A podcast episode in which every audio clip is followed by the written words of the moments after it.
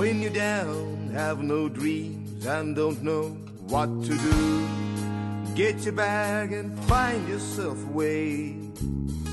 See the birds who flying high, looking down, seeing a cry. You should listen words they have to say. When you feel you have no wings, all the land seems so far away, far away, far away. But you always have your dreams. You don't only have to hesitate, don't hesitate, don't hesitate. Yeah. Up your head and back your head, clear your mind and if you dare, get up and climb the nearest roof. Don't think long, just spread your arms and jump. tere, Rain. hei, hei. et täna on siis eetris intrigeeriva pärastlõuna seitsmes saade ja välja kuulutatud juubelisaade, et ma tegin seda sellepärast, et et mulle tundus, et noh, mul on selle kirjas ka selle Spo- Spotify ja nende podcast'ide juures, et kakskümmend viis aastat tagasi me Peeter Rissooga tegime intrigeeriva pärastlõuna nimelist saadet ja noh, nüüd on see best before möödas, et nüüd on juba see kakskümmend viis aastat nagu vananenud andmed, aga siis ma vaatasin netist, et Esto tv, et seal oli mingi jama oli umbes kakskümmend aastat tagasi, et no minu meelest oli ikkagi päris kakskümmend ei olnud. mingi tähendab, me saame niimoodi arvutada, et kui ma olen praegu nelikümmend üks, siis ma olin kakskümmend kolm. see on kaheksateist aastat. aa okei okay,, no ma mõtlen, et kaheksateist aastat. no me tegime üheksakümne kolmandal aastal intrigeerivat pärastlõunat, et mis sa, no meil oli kaks tuhat, kaks tuhat vist oli, kaks tuhat üks, kaks tuhat, jah. jah, et, et mul oligi see plaan, et ma esimeses saates lubasin, et Peeter Ristsoo, kes on lahkunud nüüd meie hulgast juba, saab ka viis aastat nüüd sellel aastal juba sellest viis aastat juba, jah. kaks tuhat neliteist august, et et, et, et rääkida Peetrist ja siis ma mõtlesin, et kuna intrigeeriv pärastlõuna oli ikkagi Peetri naer oli see, mille järgi seda ära tunti, et ja tema see hääl ja, ja kogu see jah, see imidž ja need mustad prillid ja kõik see kogu see Ameerika värk ja no me elasime koos ja ühes korteris, ta oli tulnud Ameerikast ja see oli üks lõbus elu. Ja, ja ma mõtlesin, et, et oleks noh, et teie tegite pärast temaga äh, teles asju. ja me tegimegi jah, siis äh, leidsime ta uuesti ülesse, korjasime ta üles, siis ta oli, ei olnud meedias enam. et aga ma sain tuttavaks temaga, ma arvan ikka üheksakümnendate lõpus, seal üheksakümmend seitse. kas me ei saanud sinuga tema kaudu? see võis olla küll ma ise jah. mõtlesingi, et, et see oleks nagu see ühenduspunkt, et, jah, et ma mõtlen, et üheksakümnendate lõpus ta oli just hägusad mälestused on küll jah, või võib nii öelda küll. üldse üheksakümnendad nagu tead, see on selline oota, nüüd on see mikrofoni küsimus. Üks udu. tõmba see endal kuidagi lähemale, et ma istun siia lähedal. et äh, no nüüd on, nüüd on kõvasti kuulda mu hääl ilmselt. et äh, aga ma sain üheksakümnendate teises pooles temaga tuttavaks niimoodi, ma olin ajakirjanik, ma tegin temaga intervjuu. Aga kus sa olid, sa olid postis olid ju ka ju. postis, postis vist oligi, ei äh,. tähendab, postis ma tegin temaga mingisuguseid nupukesi, jah.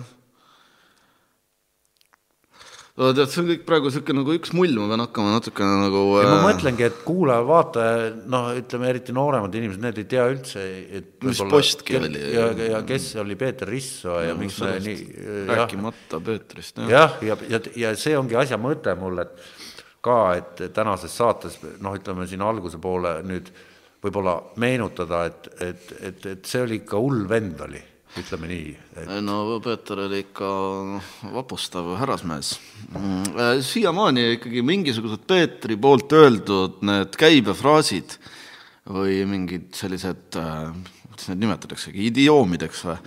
noh, niisugused äh, trademark ütlused, mis tal olid, et no need on siiamaani mõnikord mul tulevad, lipsavad üle huulte no millised?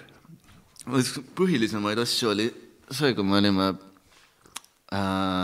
tegime Esto tv ühte saadet, mis äh,, kus oli väga noh, sellest, mis on Esto tv, sellest peab eraldi rääkima, aga ja sellest räägime kindlasti eraldi. aga, aga seal oli üks äh, selline saatelõik, kus me äh, rääkisime maksumaksjate rahast, sest muidugi äh, kui meie saade eetrisse läks esimest korda, siis loomulikult esimene reaktsioon on see, nagu ikka, kui avangardse asi läheb eetrisse, hakatakse rääkima sellest, et kuidas maksumaksja raha on jälle väärkasutatud.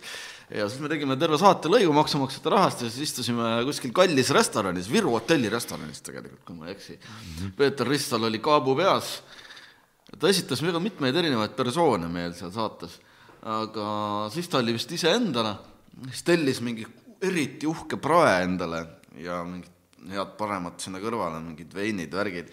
ja siis äh, tegime sellise saate nagu lõpuistumise, noh, see läks ka hiljem kõik eetrisse. Ja siis Peeter Rissa tõstis klaasi ja ütles, see on ikkagi maksumaksja raha eest maksimaalne kvaliteet, ma ütleks no see oli täiesti samamoodi. ja maksumaksja raha eest maksimaalne kvaliteet, see nagu äh, käibefraas on siiamaani nagu praktiliselt kakskümmend aastat hiljem ikka veel kasutusel ja noh, loomulikult ka Peeter, Peetri, kui tal oli pohmell ja siis temaga juhtus kokku saama, siis äh, esimese asjana, tihtipeale me mingil hommikul läksime kuhugi võttele, siis oli Peeter vaja kuskilt järjekordse naise juurest üles korjata.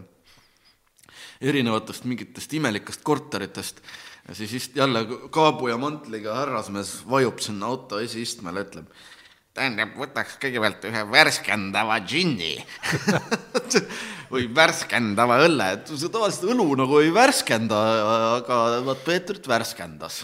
ei no temaga oli jah nii, et kui me raadiot tegime, siis oli, oli niimoodi, et mina olin see puldi, puldimees, et mul oli küll mikker ka ja eks ma sekkusin ka aeg-ajalt, aga põhivend oli ikka laua taga, külalistega oli Pets ja siis mm, -hmm. ja siis oli seal, oli, ampull oli ikkagi noh, oli puldi peal et äh, Peeter siis äh, ja, ja no me ka pakkusime külalistele ja iseendale, et, et see oli niisugune kell kolm päeval niisugune reibas saade tol ajal. oi, ma kujutan ette. et, et aga jah, see vahe oli küll, et see üks tund oli ikka lühike aeg ja seal spordiuudised ka sees, et kuidagi ei mahtunud reeglina ära Mi. minu just nagu täielik vap-, üks vapustavamaid raadioelamusi tegelikult on ikkagi see teie intrigeeriv pärastlõuna, kui prostituudid äh... see on kõigile kuidagi üks saade on meelde jäänud ma mäletan, ma noh, no üheksakümne kolmandal aastal ma olin, ma ei tea, mingisugune kolmteist, neliteist. midagi sellist, sellises vanuses umbes. nojah, sa oled praegu, ma vaatasin, nelikümmend üks. jah ja., no ma ei oska arvutada, no teismeline on ju.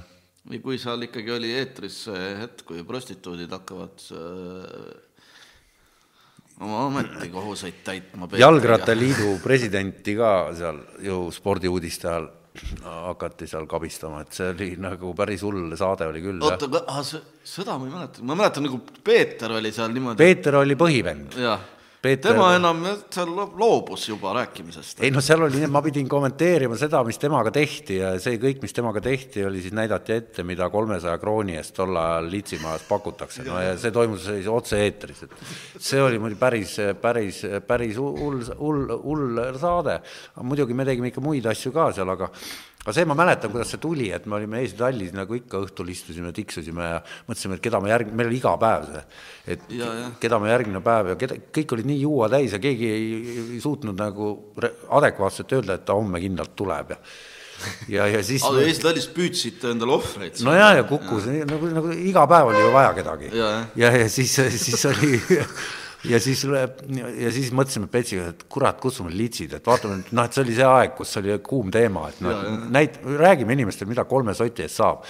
ja siis sutenöör ja kolm, kolm plikat siis tulid meile sinna stuudiosse, no ega me ka ei teadnud, mis seal juhtuma hakkab, noh. aga need läksid nii äksi täis, et olid jõid ka seal veel.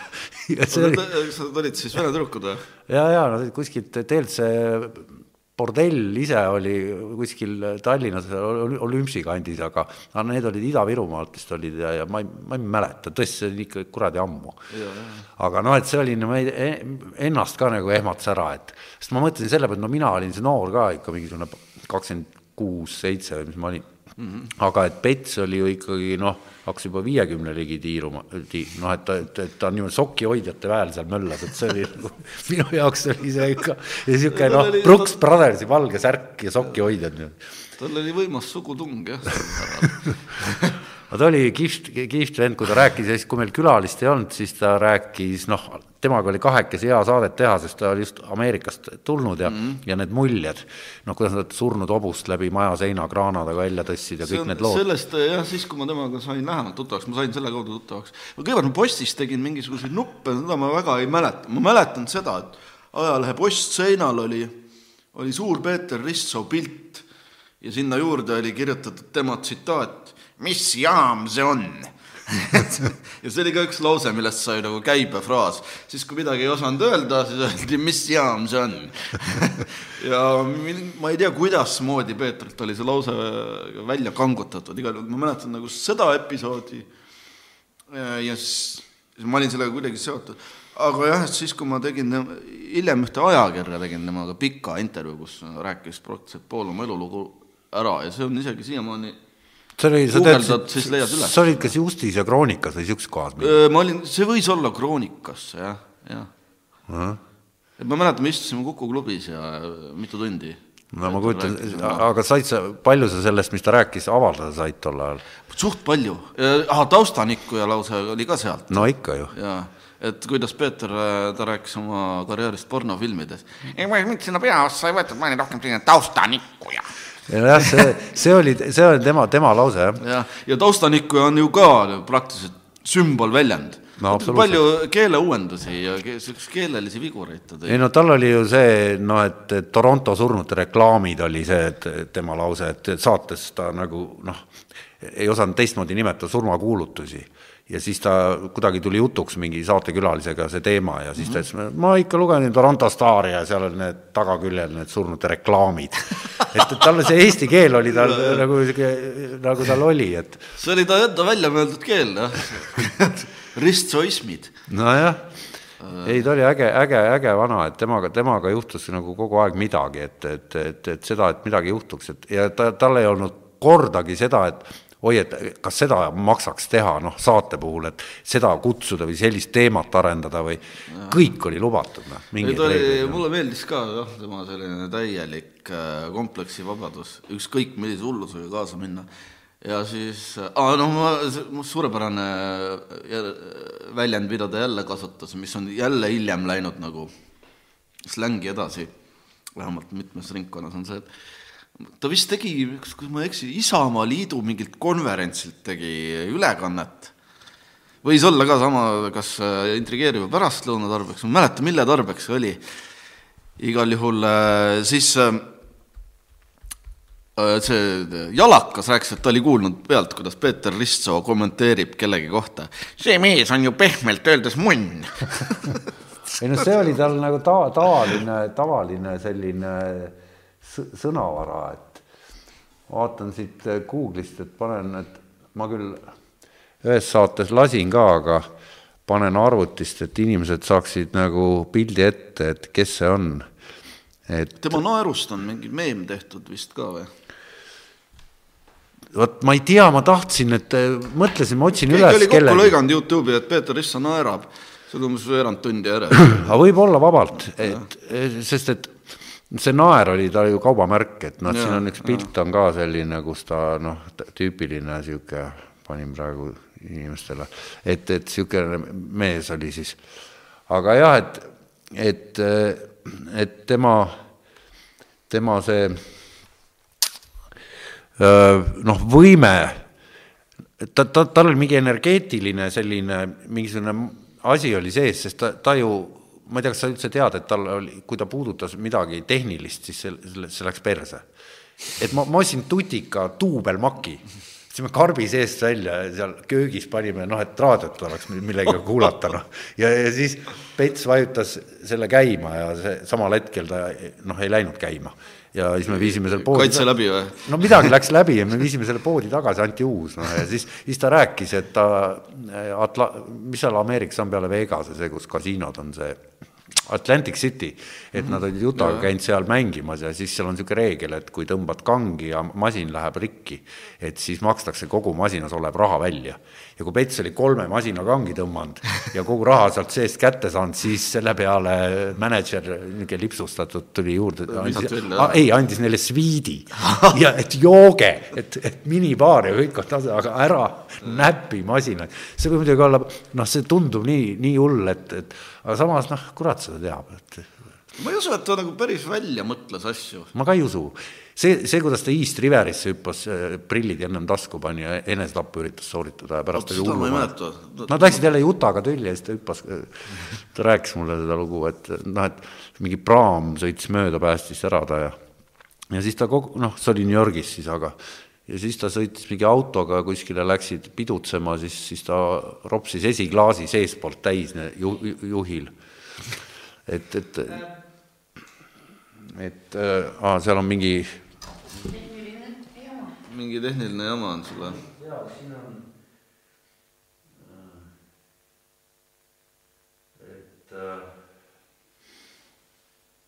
et mingi, mingi mingi serveri, serveri, serveri teema, et, et ma ei oskagi öelda, mis asi see on, et, et praegu vist läks jälle käima. okei okay,, aga ei pea katkestama, sellepärast et selle saate me saame pärast upload ida. Et ükskord juhtus enne ka nii, et äh, enam ei ole otse või? no tähendab, oota, aga ma teen selle kohe lahti ja siis me kohe näeme, mis, mis juhtub. nii, okei okay.. Läks käima või? jah. oota, ma, ma vaatan oma sellest, sellest ka, et, et mis, mis, mis, mis kuradi jama see on. okei okay,, aga tegelikult noh, mis ma tast vaatan, et, et, et noh, on nagu on. et praegu käib jah? okei okay,, kuhu me jäime mm,? no ikka Peetri juurde, Peetri juurde, aga, aga vot. selle pealt jupp hüppamisest oli jutt. Online me ei ole? ei, nüüd oleme jälle oh,. Okay. Läheme edasi, lihtsalt siin vahepeal see, need kiirused. Ja lubati esimesest veebruarist, Telia lubas, et ta paneb tööle selle äh, valguskaabli giga üles-alla, kohutavad kiirused. Tegin lepingu ja siis, siis see lubadus kustutati serverist, et kui ma helistasin peale esimest veebruari, ütlesin, kus on, öeldi, et aga pole olnud. tähendab, oli, aga enam ei ole. et, et, et see on nagu, no see kümme megabitti kiirust, et noh, et aga see peaks ära toitma küll, et aga noh, võib-olla läpakas või midagi, ma ei tea noh, et ma igaks juhuks ei näpi praegu arvutit. no vot jah, on, võib-olla sa oled Peetri need energeetilised võnked saanud. aga me, õige, me ju rääkisime sellest, et, et kõik et, masinad, mis ta puudutab, äh, läksid äh, rikki, et et võib-olla see jutt juba mõjub niimoodi, et, et masinad hakkavad üles ütlema. okei okay., aga jah, no meil muidugi see, et aga, aga nüüd võiks minna selle juurde, et okei okay,, meie tegime seda intrigeerivat, me tegime päris intensiivselt, me tegime iga päev tööpäevadel viis päeva nädalas otse. oota, siis te palka saite selle eest, seal ja... pandi kinni ühel hetkel? ei, seal oli nii, et me saime, me saime mingit palka, aga siis me leidsime omale ise sponsori ja see oli House of Prince, suitsutootja no taanlaste. saate ajal suitsu teha, sellest rääkida. nojah, ta-, ta-, taanlaste see suitsu, suitsufirma ja, ja, ja nemad lubasid meile raha maksta, kui me laseme nende kõlli. nüüd mul ongi plaanis, et otsida see kõll üles, äkki see on kellelgi alles, et seal Pets ütles oma häälega sisse, et et intriguing afternoon sponsored by House of Prince. ja selle lause eest alguses ja lõpus ja keskel lubas Prints meile viisteist tuhat krooni ma mõtlesin, me oleme nüüd, nüüd me oleme või sees see oli tavaline palk tollal oli mingi neli tuhat või? no ja siis selle peale ütles see kuradi äh, keegi programmitoimetusest, et ei, et see läheb jaamale, noh, raadiojaamale, et ma ei mäletagi, seal ühesõnaga mingi amet, ametnikud otsustasid, et me ikka noh, kuidas me saame ise nii palju raha selle eest. me ütlesime, me enam teie palka ei taha, et meil pole vaja seda, et me laseme seda kõlli ja teeme oma saadet ja siis, siis me veastasime niimoodi, et, et ühel päeval ei läinud tööle ja siis seesama duubelmakk külmutuskapi peal, kuulasime raadios kell kolm oli siis eetris oli vaikus. et sellega lõppes nagu intrigeeri pärastlõuna ära. See Jüri Makarovi ahnusest. ei, ma ei, ma ei usu, et Makarov üldse seda teadiski, et no. mis seal toimus, et eh, seal selliste asjade puhul, tema jändas nende telejaamadega vist juba ja seal ja. kukkusid tal helikopteri pealt. No ühesõnaga, seal oli, ei, ma ei usu, et tema, et temaga me saime tegelikult hästi läbi, et seal Rock Summeril me töötasime ju, tegime intervjuusid ja mm aga kaua see kestis, see ei no see, ma ütlengi, et mul on kuskil kaustas Saaremaal kirjas mingisugune üle saja saate, ma panin kirja, kes olid ja, ja noh, et mingi neli-viis kuud äkki või mm -hmm. tegime seda kogu aeg mm. -hmm. niimoodi, et kogunes päris palju saateid, aga väga lühikese aja jooksul. Ja siis, ja siis meie suhted Petsiga nagu jäidki väga palju harvemaks. Siis ma ei mäleta, mis sellest Endla tänava korterist sai, sest see oli ju nii, et kui Pets tuli Ameerikast, siis mina hakkasin minema Ameerikasse, müüsin maha oma korteri ja, ja jäin lennukist maha. Ja siis üürisin selle korteri.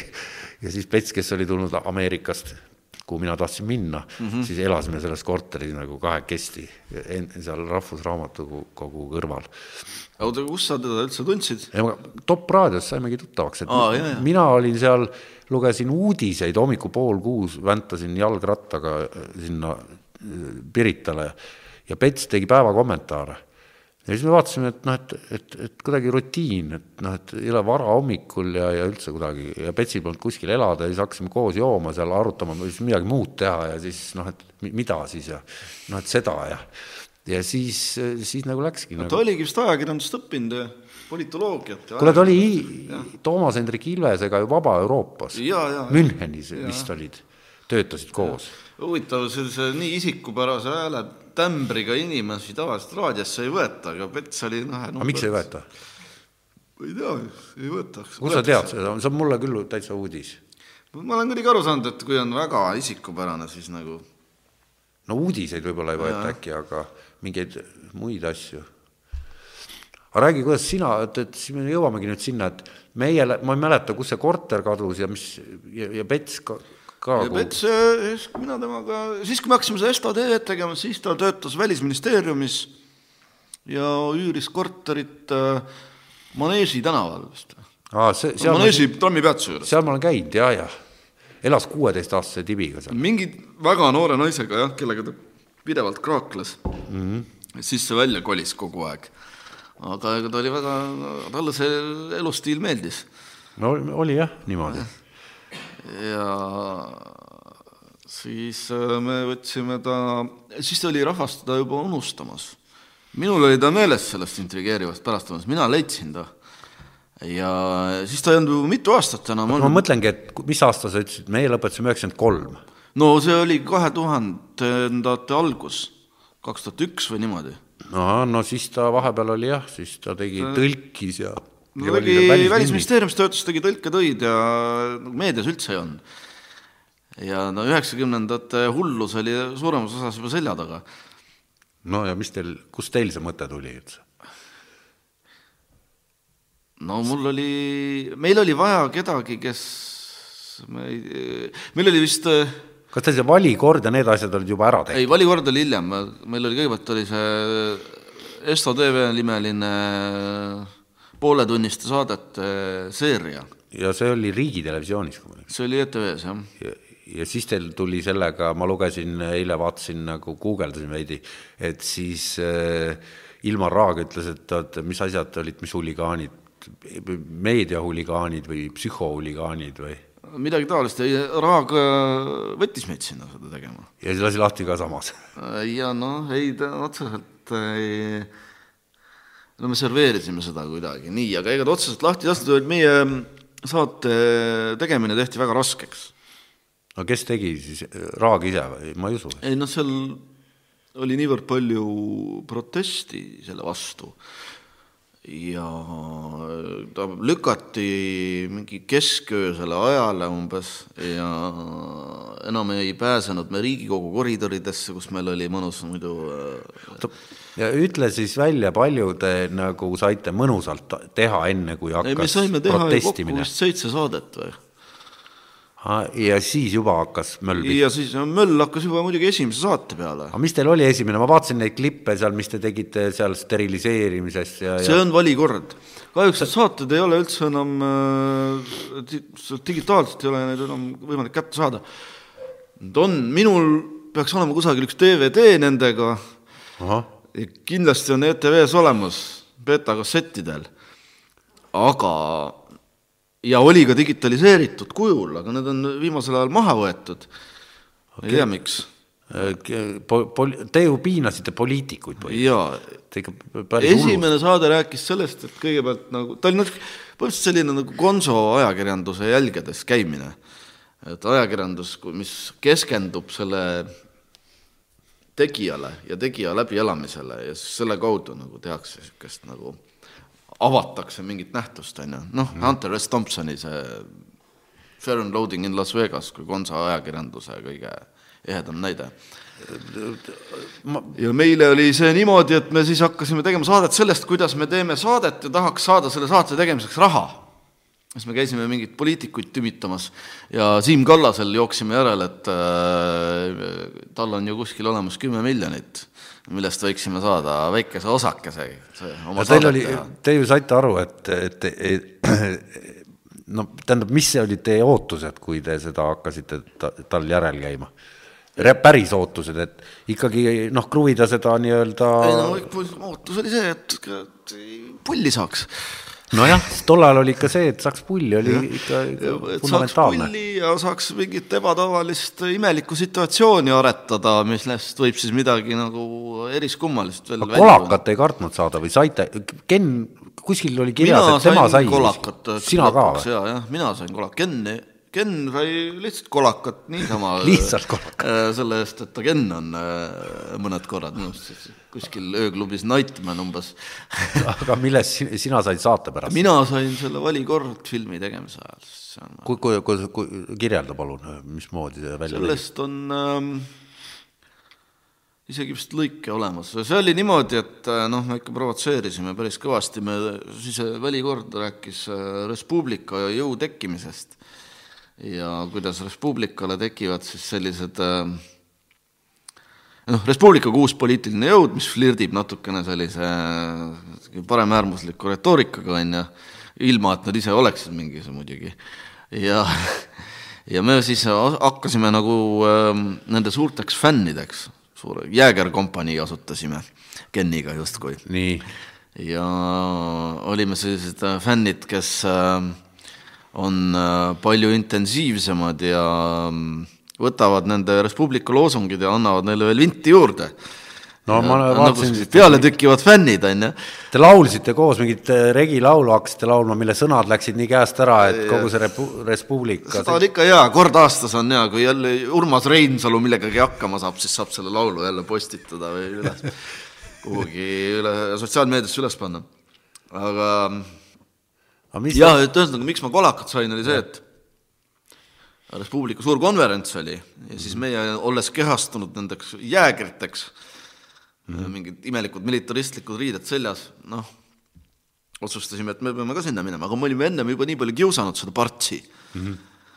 et ähm, ja juba meedias olnud ka sellega, et äh, algul muidugi Res Publica arvas, et me oleme nende head sõbrad, selle lauluga oligi nii Nad arvasid, et me oleme nende suured toetajad päriselt, sest meil oli Res Publicas oli oma jope oli sees, kes andis mingeid telefoninumbreid, kes, kui oli vaja poliitikute numbreid.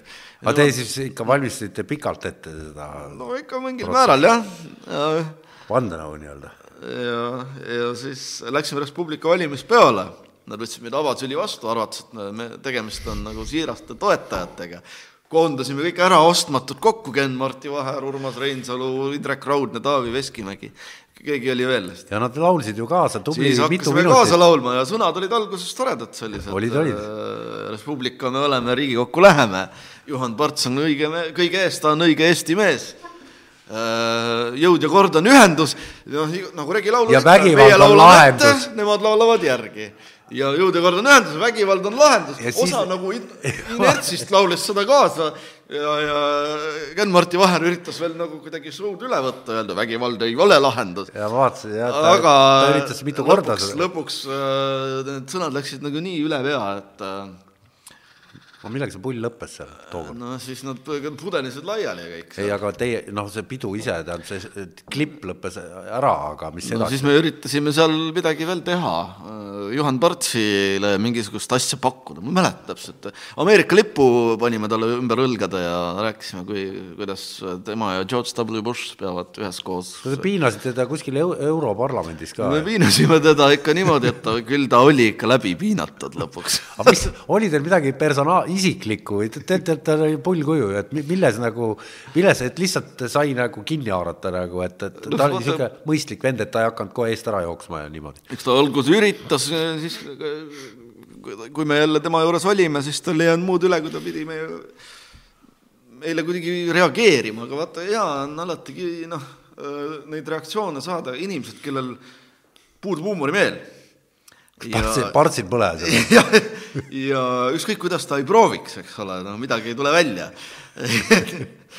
ja kellel puudub ka nagu võib-olla vähemalt tol hetkel puudus nagu adek-, adekvaatne enesereflektsioonivõime ka, et et, et nagu seda tüüpi rahvaga noh, see formaat, mida me Esta TV-ga viljeldame, see, see formaat nagu äh, toimib kõige paremini, sealt, sealt saab kõige rohkem midagi kätte.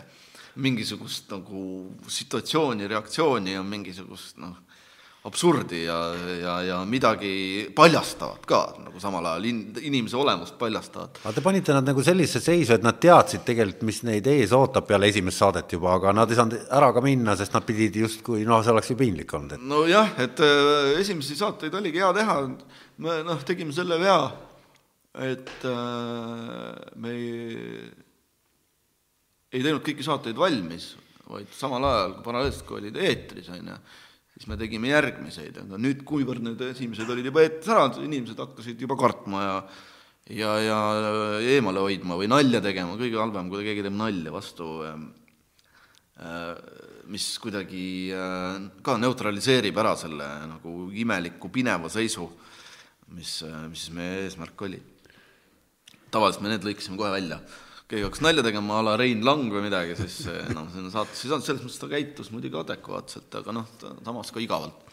aga noh, kui Juhan Parts nagu üritab reageerida, siis ta ei saa ise ka aru, kas ta teeb nalja või ta räägib tõsiselt või tal on noh, noh, sa näed, kuidas visuaalselt nagu inimesel kõik juhtmed nagu kärssavad korraga ja, ja noh, selles mõttes ta hea niisugune rammus saak veel. aga, aga ma imestan, et, et kommertstele oli olemas, et, et kuidas nagu riigitele selle üles noppis? no riigi, noh, riigitele eesmärk ongi ju, et oleks nagu ühiskonna avangardi ka õnnestuks puudutada nagu. no ma mõtlen, ma olin üheksakümmend kuus olin tööl seal e- avalikes suhetes ETV-s ja ja siis seal oli küll selline väga selline, polnud üldse niisugust äksi täis seltskonda. ja, ja seda, noh, ei noh, selles mõttes tuleb tänada Ilmar Raagi ikkagi pigem ja siis samal ajal ka sõimata, et ta olukorraga hiljem keeruliseks tegi aga mis te, vabandust, kas teil tuli mingeid reaalseid kohtu case'e ka sealt peale või? seal oli nagu hirmus pahandus, oli ka Peeter Rissoga seoses oli üks, üks, üks hirmus pahandus. oli, kui me, meie poole pöörduti Rootsi televisioonist, et, et Rootsi kõige kuulsama noortesaate juht tuleb Eestisse, et, et oleks hea, kui nad kohtuksid Eestis mingite huvitavate inimestega, kes räägiksid neile midagi siis Eestist, on ju. Siis oli see Eesti oli võitnud Eurovisiooni konkursi, selles oli vist asi aga. see oli kümme aastat tagasi, sest nüüd oli just Jah. mingi uudis, et kümme aastat on möödas sellest, kui Eesti korraldas Eurovisiooni, ei, see oli aasta enne, tähendab, see oli tegelikult jah, aasta enne. siis ma mäletan, oli Benton ja Padar esinesid seal, Benton ja Padar olid üks kandidaatidest. ja me vaatasime, ühesõnaga Eesti, Eesti osales seal nagu eurolaulu võistlusel on ju ja sellega seoses kuidagi tuli üks Rootsi telekanal äh, Eestist saadet tegema. ja siis ma ei tea, kuidas täpselt, aga oli jõutud meieni, et nad, meie oleme sellised huvitavad noored inimesed, kellega tasub rääkida, kes räägivad Eestist kuidagi teise nurga all. siis võtsime hotellitoa, kutsusime Peeter Ristsoo kohale, kes pidi mängima, et kui olukord läheb kriitiliseks, siis Peeter pidi teesklema, et ta saab infarkti, et need rootslased ei läheks välja, vaid kuidagi nagu tekiks Nad jääksid ikka sinna kohale no. ja äh, Risto siis, ma ei mäleta, keda ta pidi kehastama, Risto olid erinevad rollid, keda ta mängis seal. kuna noh, teda enam väga ei mäletanud ka eestlased, et siis ta sai Te panite ta sauna ja kuhu iganes ja, ja, ja ta mängis, ta mängis mingit Ameerika pastorit päris tihti, Reverend Taterhead. oli jah. Äh,, tuleb meelde, ta oli see valge krae. jah. et selline nagu Billy Grahami tüüpi nagu evangelist, niisugune noh, üsna niisugune radikaalne usumees, usushow, slash showmees, kes siis ka on kauboi kaabu peas ja pidas äh, jutlusi siis ja üritas siis inimesi ristida aga nüüd see Esto ühesõnaga, ma see jutt nagu äh,, lõpetan selle ära, siis oli, et ühesõnaga, see Risto oli meil sinna kutsutud, sinna hotellituppa, muidugi hakkasime kohe seal, Ristol oli viski kaasas ja nii, ja siis oli meil kutsutud sinna hotellituppa veel äh, pornokuningas Aivar Palumäe ja Seksikristi, kes äh, tegeles tupemaalingute loomisega. oli jah, niisugune asi oli olemas. ja siis, et kui rootslased tulid, et siis äh, pakuks rootslastele musta leiba ja valget viina. Äh,, Ristsoo peaks jutluse ja siis me viiks nad üles hotelli te toa teisele korrusele, kus seksikristi maalib tupega siis Rootsi äh, telesaatejuhist äh, portree, on ju no.. ja ta oli, pintsel oli juba sees. Ja kui rootslased tulid ja, ja, ja alguses oli nagu äh, ettevaatlik suhtumine, võeti seda, seda musta leiba ja viina ja siis Ristsoo seal midagi pajatas ja meie rääkisime mingit äh, kummalist juttu, kuidas me Eestis siin armastame oravaid süüa. ja siis viisime nad siis, rootslased, üles sinna teisele korrusele, seal oli see, avanes neile vaatepilt, kuidas seksikristil pintsel tupes äh, valmib järjekordne moel ja pornokunn sealjuures midagi seal seletamas, siis kui rootslased seda nägid, said loomulikult noh, täieliku šoki ja hakkasid sealt ära põgenema, aga Risso takistas neid sellega, et hüppas põrandale pikali maha et ta saab infarkti. Ja siis needsamad rootslased olid veel hullemas paanikas. Sibasid seal ringi ja helistasid igale poole politseisse ja ma ei tea kuhu, et neid ahistatakse ahistatakse? no jaa, nad olid täiesti nendest väljas. et keegi saab infarkti ja, ja keegi maalib. maalib tupega ja, ja nii. ja, siis äh, mis siis põgenesid sealt ära ja öeldes veel, sisistades läbi, läbi hammaste lõpus thank you for not letting us eat nii et eh, kontaktid rootslaste ja huvitavate inimeste vahel lõppesid sellega? lõppesid katastroofiliselt, aga lõppes veel ka väga halvasti ka, sest ETV-d hakati ähvardama, sest linnavalitsus sai teada, et me oleme rootslastega halvasti käitunud.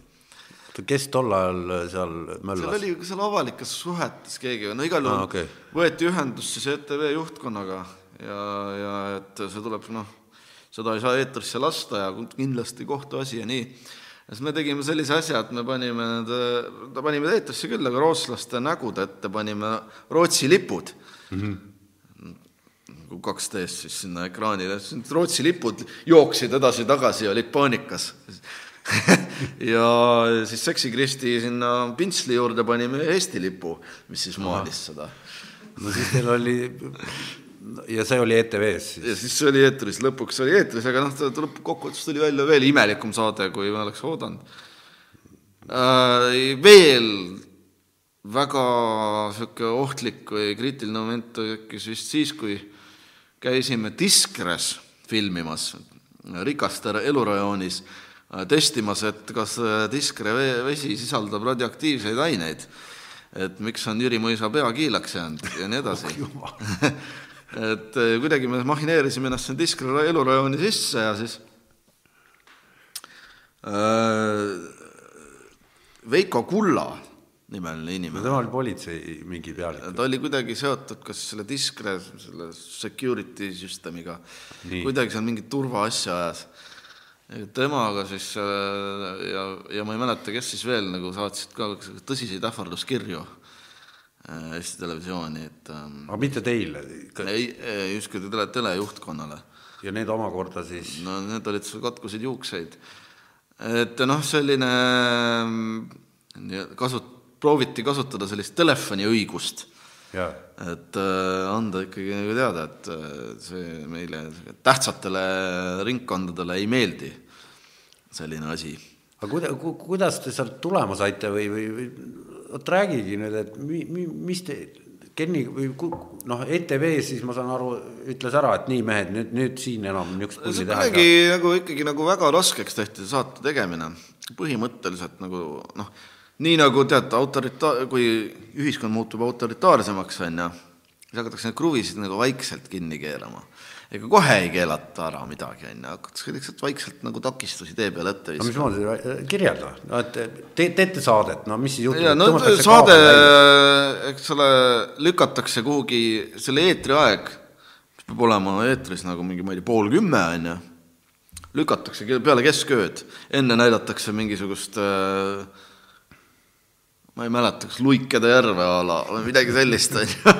ehk siis nagu, et, et see vaatajanumber kukuks, eks, kuna vaatajanumber on väike, siis ei ole seal saate järele nagu tarvidust, saab kuidagi nagu ametlikult selle ära lõpetada. no selline aeglane no selge kruvide, kinni aga kui, aga see ikka noh, käis võrdlemisi siva, kui te tegite, sa väidad mingi seitse saadet või mis sa ütled, jah, et, et siis nad ikka keerasid need kruvid võrdlemisi ruttu kinni. no, olid- said kohe nagu, tuli ühiskond pakku- oli suht paanikas. aga tuli pakkumisi erakanalites kohe peale siis?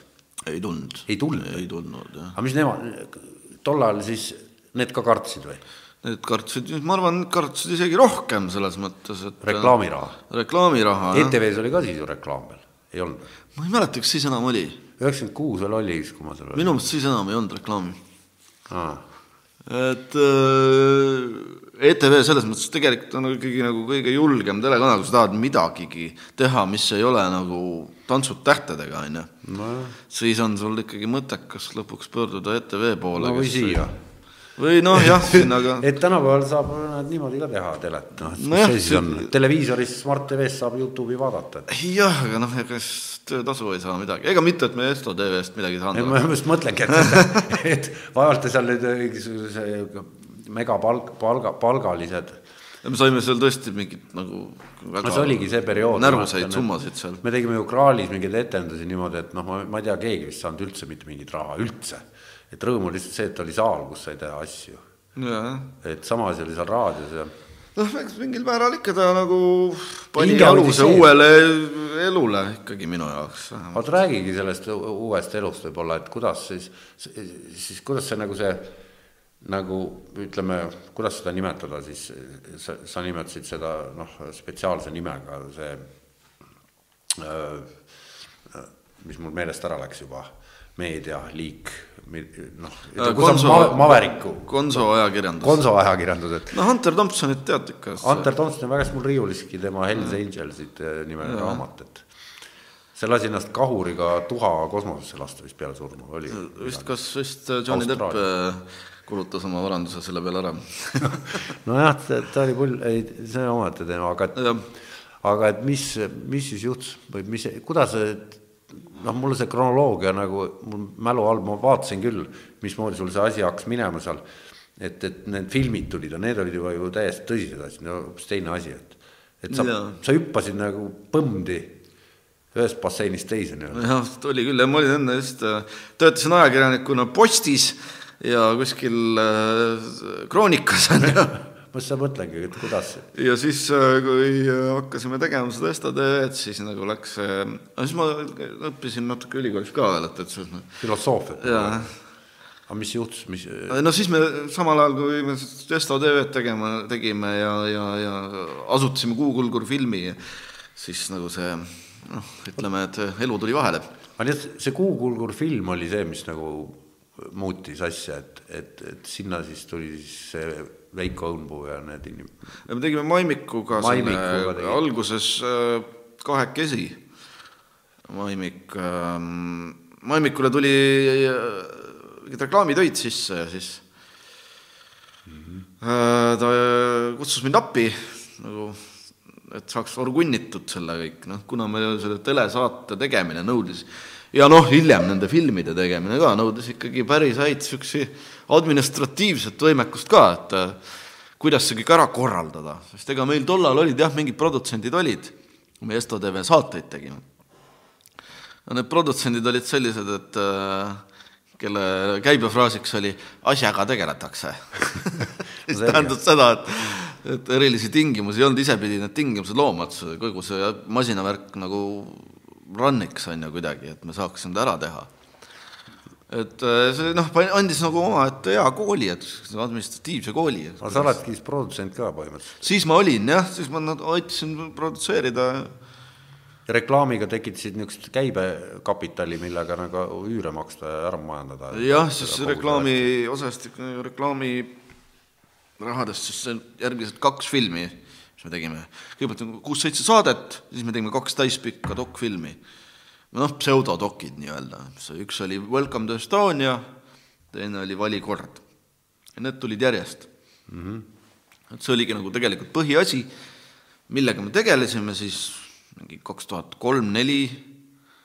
Need olid aastase vahega. jah, aastase vahega, jah. ja, ja.... aga need ei toonud ju, need viisid välja, tähendab see reklaamiraha siis selle eest tegite need? no just reklaamiraha eest sai siis jah, nagu seda teha põhimõtteliselt. aga noh, eks meil õnnestus viia need siis need asjad kuidagi erakanalitele maha. just Kanal kaks vist ostis need ära. ahah Olle Mirme äh, aitas välja äh,. Need olid aastavahetusel vist eetris, jah, need kinno vist ei jõudnudki. Ei, jõudsid küll, jõudsid, no mõnda aega oli Valikord ka kinos. aga see reklaamimaailm, ütleme sinu jaoks äh,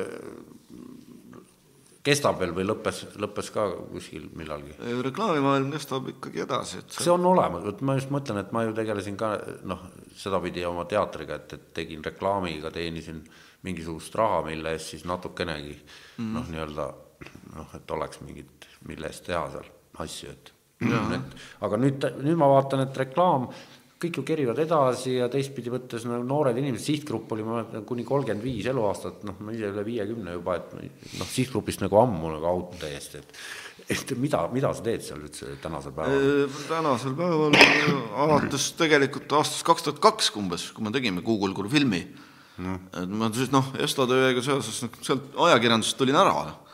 ma enam, ma olin, mind, mind koondati, tähendab, ma tahtsin, et mind koondataks sealt mhm. Kroonikast mm. -hmm. kuidagi suutsin äh, mahineerida endale päris head tingimused. siis, siis ma läksin tööle, siis ma veel olin, oli mul töökoht, siis mul oli, ma töötasin reklaamibüroos Age. Rene Reinumägi kutsus mind sinna tööle. seal ma olin umbes aastakese Copy või? jah, copywriter. sealt ka, siis me samal ajal paralleelselt tegime ka Kuukulgur filmi ja tegime samal ajal ka seda Valikorda ja Welcome to Estonia. Et noh, päris palju tegemist ma olin vist Zoomis sel ajal, et mul meelde tuleb, et Age oli seal Keemia tänaval vist tol ajal. Age oli raadiomajas mul. või oli raadiomajas algul, pärast kolisite sinna? algul vist oli Keemia tänav, siis ole. või nii, vahet ei ole jah, siis oli nagu see asi, et oli võimalik nagu sellega tekitada raha, et teha nagu muid asju, et tänasel päeval praegu ma mõtlengi, et ütleme, see niisugune podcast'i tegemine siin, et ma peaks hakkama mingit product placement'it siin tegema või ma ei tea, vehkima mingite toodetega või. jah, no why not? ei no ei, peabki tegema. kohvitassi. ma just mõtlengi, et seda nagu seda plaani pean, et, et, et millega vehkida ja kelle, kellega, kellele vehkida, et et, et, et, et, et kuidas seda asja siin nagu niimoodi üldse nagu tööle panna, et praegu on see, et, et, et eeldus on see, et ajada see asi siin nii noh, põnevaks, et inimesed tulevad piletiga ja, ja nagu teatrisse ja siis saavad ka küsimusi esitada. aga nüüd on nagu nii, niimoodi, et inimesed vaatavad Youtube'is seda striimi ja, ja, ja, ja ei taha küsimusi esitada. no tuleb striim hiljem panna, ei saa otse, otse striimi panna siis. kurat, aga kui otsesaade ei ole, siis tead ise, mis see tähendab no.. see tähendab öid montaažis koos sellega, kes sul saates külas olid, lõika see välja, lõika see välja, et see mul, oi, oi, vaata, mis nägu mul siin peas on.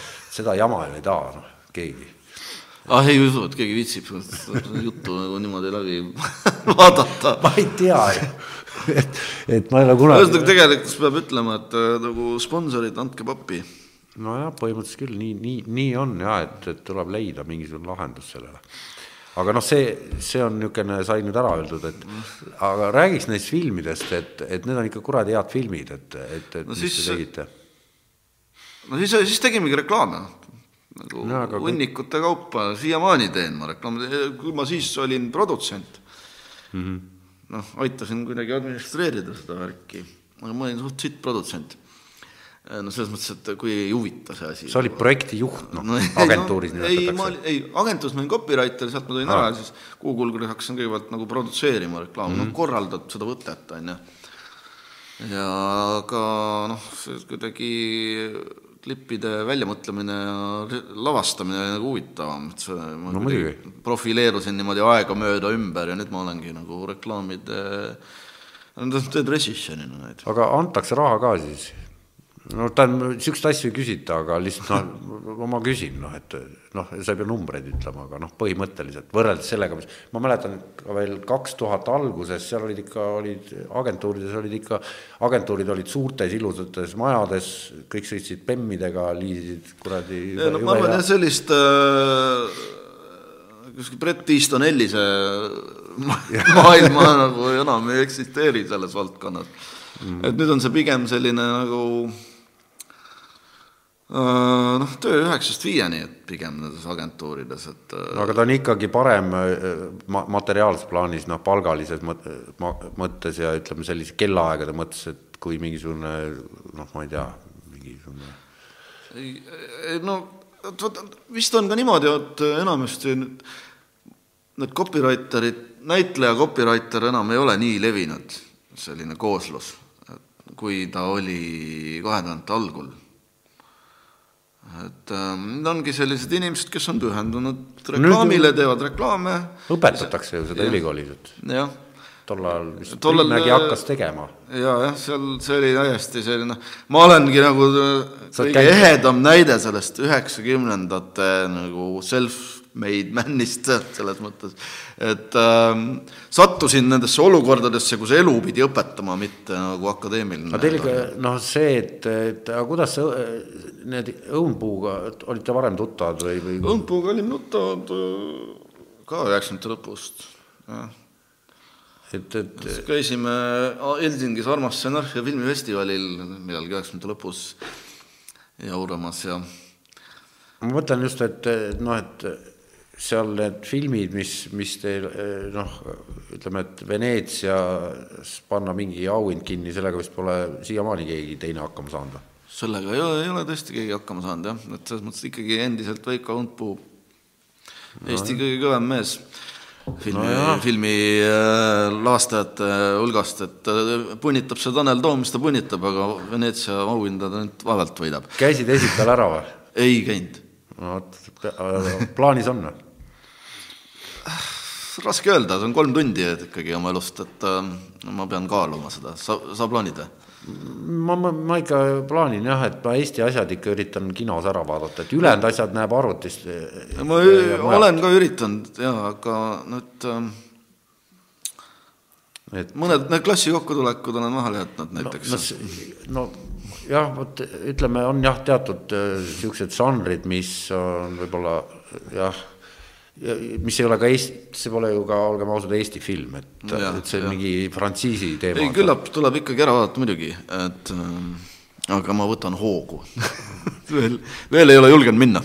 ahah, aga mis siis äh, aga jah, et kus me siis äh, tagasi minna, siis äh, mingil hetkel, kui estatööd olid tehtud ja see oli selge, et enam selle žanriga me edasi liikuda ei saa, kõik juba meie nägusid tunnevad ja kõik uksed meie jaoks ikkagi nagu võimalikult kinni on lükatud, et siis pidi midagi muud välja mõtlema ja siis meiega siin läkski mingi kaks aastat Äh, kui ta, sai lihtsalt reklaame tehtud ja Veiko, kes oli ka alguses reklaamiprodutsent mm. Tal oli Sugar film nimeline üksus, Arvo Tammiksaare ja Jaak Kilmi ja ma ei mäleta, kes seal olid, Marko Raadiga. Need läksid pankrotti, noh, VKS-ile pankrotti suhteliselt käbedalt. no miks seal oli niimoodi, et äh, mingi suur klient äh, ei maksnud neile ära, sest neile ei meeldinud üks reklaam, mis nad olid teinud. lihtsalt jättis maksmata ja noh, sest kogu väiksel firmal ei olnud lepingut tehtud ja mm. nagu läkski põhja. No tean seda tunnet, olin ka ühes agentuuris, kus poliitikud jätsid peale valimisi oma selle asja maksmata ja, ja, ja need summad olid nii suured, et sellest piisas no see on jah, on vist ridamisi läinud sellega. Jah, et, et ära näpi poliitikuid on nagu üks või reklaamitööstus, tööstusele. Sihuke, sihuke jutt, et. aga samas noh, annavad ka tead käivet aga samas mul oli üks plaan oli selle saate nagu, kui ma kribasin, et millest rääkida ja lugesin, noh, et mis sa oled teinud ja vaatasin neid klippe ja siis ma mõtlesin, et sõnavabaduse teema on nagu taas päevakorras meil siin, mitte ainult noh, suures maailmas, aga Eestis ka, et, et siin käib mingi tants selle, selle ümber, et et mis sa arvad, et, et noh, toimuvad mingid tohutud reorganiseerimised telekanalites, mingid uut moodi lähenemised on tekkinud kuidagi. mis sa arvad üldse kogu sellest put-, potist, mis praegu podiseb, et kas. ma, ma lugesin hiljuti. kuhu poole see asi liigub? Asso Krullil oli nagu sihuke hea tähelepanek või kuidagi mõttekäik, kas ma nüüd õigesti seda oskan nagu äh, interpreteerida, oli see kuidagi, ühesõnaga ta tõi äh, välja sõna, sõnavabadusega seoses äh, see ka paralleeli hoolivuse ja hoolimatusega, et, et kui noh, et et asi, millele võiks tähelepanu pöörata või mil-, millest selles kontekstis rääkida, ongi see, et kas sa nagu, kas sa tegeled mingi hoolimatusega ja selle rõhutamisega, et äh, vähemust nagu, vähemusele haiget teha. Äh, ehk siis ta tõi, kuidagi pani need kaks mõistet kokku, et äh, probleem on nagu sõna hoolimatuses, mitte sõnavabaduses oh,. Asso Krull oskab teha keerulisi sõnakonstruktsioone, seda ma tean, aga sa, sa seleta lahti, mida sa selle all aru saad, mis see siis on? Noh. kasutatakse liiga kergekäeliselt erinevaid väljendeid luuakse juurde. et noh, et see äh, viha on ühiskonnas nii kuidagi üleval praegu. ja et seda viha kuidagi nagu üritada selle vihaga toime tulla, siis on ilmselt nagu selle tagajärjel tekkinud ka sellised nagu vihakõne mingisugused paragrahvid ja asjad. on jah äh,. aga siin ma ei, ma ei kujuta ette, et kas äh, nüüd aitab see ma ei ole päris kindel, lõpuni kindel sellest, kas see, kas selle nii-öelda seadusega reguleerimine meid sellest vihast nüüd äh, lahti viib. no aga ja. kas noh, ütleme, meil on küll kümme aastat vanusevahe, ikkagi mõlemad me kuulume sellisesse keskealiste vanuserühma, mis on nii-öelda sellest reklaami kolmekümne viiest nagu üle, vanemad juba, et et või selles mõttes või võime rääkida noortest niimoodi noh, nagu kõrvaltvaatajatena, et et mis sa nagu arvad sellest, et kogu see räpindus ja, ja, ja, ja ütleme, see ropendamine ja, ja kõik see, mis on nagu väga in ja kogub klikke netiavarustes ja kõik see noh, mida seal räägitakse, kame-, noh, need Youtube erid ja, ja stand-up'erid ja teevad su-, suuri saale, müüvad välja ja see, mis teemad need käsitlusel on. ja tele, ETV kannab ka üle ju mingit a la selliseid komöödia asju mm, -hmm. seal. midagi vist kannab, seal on ka mingid kutid, kes noh tirivad sinna poliitikuid, umbes nagu teie tegite, et see kõik on teistsugune, see ja, ja, ja mina ei taju, tähendab, ma küsisin oma seitsmeteistaastase tütre käest, et, et noh, et mis värk on ja siis ta ütles, need on nagu hästi popid tegelased, aga samas ta ei teadnud, kui ma ütlesin talle, kes mul täna külla tuleb, ta esimese hooga ei teadnud, kes, ma ütlesin Jaan Tolk, nagu ma ütlesin sulle telefonis, ajasin ise nime sassi, seepärast, et, seepärast, et mul oli telefonis oli kõrval oli mingi Jaan ja siis noh, aju on pehme, noh et see on nagu tase, aga et, et jah, et ütlesin talle, et noh, et Rain Tolk ja siis ta ei teadnud, et, et ja siis, kui pilti nägi, tuli, tuli meelde, et, et, et, et kas see ongi nüüd nii, et, et kogu see noh, et see, kuidas meie mõistame, et kus on see piir jookseb, et noh, et nali ja kus ta läheb üle nagu selliseks, kus on juba vägivald või kellelegi mm juba reaalset kahju teeb või, või no seda, seda nimetabki vast sõna hoolimatuseks. et, ähm, et äh, oma sõnadega nagu noh, sooritatakse mingi vägivaldseid tegusid. aga mm, jah, ühesõnaga mina hoiaks küll nagu natuke tagasi sellega, et seadusega reguleerima asuda seda, ma ei ole päris lõpuni veendunud selles, et see aitab äh, meil seda, meie ühiskonda vihast puhastada. no see vihakõne on nüüd noh, siin oli ju sellega oli paar aastat tagasi oli ju noh, ülemaailmsed skandaalid olid nende noh, mis puudutasid neid sooneutraalseid e asesõnu või kuidas neid eesti keeles nimetatakse, pronouns, et et, et inimesed tahavad neid, neid nimetatakse no. mitmuses inglise keeles ja they öeldakse neile ja, ze ja, ja noh, kogu see, et, et ja need asjad võetakse, võeti vastu vihakõne paragrahvi justkui seal Kanadas vist oli selline asi juhtus.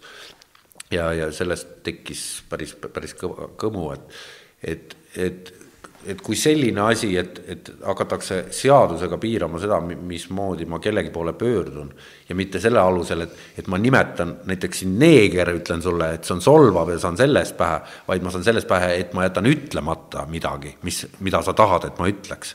et, et ma saan aru, et see, seal käib mingi möll. no Eestis see, see ei ole veel väga tugevalt jõu-, jõudnud, aga ütleme, see on nagu on nagu kaks niisugust ähm, et need fundamentaalfeministid ja nende retoorika häirib mind täpselt sama palju kui see mingid EKRE hüsteerilised vanamehed et on, see on nagu ühe perse kaks kannikat. et äh, ma, ma olen nagu jälginud äh, diskussioone nii äh, seal Facebooki Virginia Woolfi, kes kardab Virginia Woolfi ei karda me või midagi sellist on see kommuun nii seal kui ka siis EKRE sõprade klubis ja minu arust need on väga sarnased. millal toimub, vot mul kahjuks puudub ülevaade. et äh, see on nagu sama fundamentalistlik vaade nagu äh, teis-, teisele on seal mõlemas grupis. et meie ja nemad? jah. ja, ja kui keegi julgeb nagu polemiseerida, kas või rääkida sellest äh, kas või tõstatada nagu dialoogi sellel teemal, et kuidas siis nagu see, kuidas me oma keelega peaksime käituma, siis visatakse välja nagu.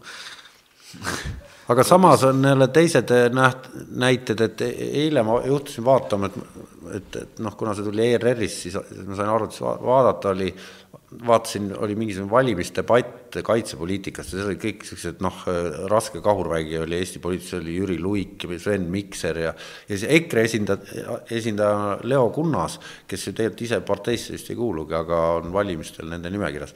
ja, ja minu arust tema rääkis, noh, Luik muidugi ka noh, loomulikult ta on noh, ülipädev, aga, aga just, et, et Kunnase, sa rääkisid EKRE-st et ta rääkis nagu väga mõistlikku juttu minu arust, et, et ma, vot ma ei tea, ma seda debatti ei näinud, aga ma mõtlen seda, neid, neid, kes saadavad neid tapmisähvardusi ja kes möllavad seal internetis, et need, kes on osalised seal EKRE sõprade klubis. Sest... ma mõtlen nende toetajaid, ma ei mõtlegi, ma ei teagi, mis see Leo Kunnas räägib selles. ja ei, seda ei, ta, ta on noh, professionaalne inimene oma valdkonnas ja teab, mis see kaitsejõud tähendab. aga noh, et, et aga see EKRE sõprade klubi, et, et seal on no üldiselt teadlased on või, või need sotsiaalteadlased või kes iganes on ju mõõtnud ja vaadanud ja uurinud ja puurinud, et et, et see on ikkagi noh, alati niisugune, neid äärmuslasi on ikka jube vähe. noh, see on see mingisugune üks protsent keerab selle üheksakümmend üheksa protsenti sitta kokku ja enamus on noh, tavalised inimesed, et et, et noh, et, et kas sa arvad, et seal EKRE-s on noh, et võib-olla seal ongi ainult niimoodi, et, et see punt, kes seal trollib nii-öelda või netis? mulle on jäänud mulje, et seal nagu suhteliselt vabalt lastakse nendel äh, vägivallaimulistel inimestel tegutseda küll.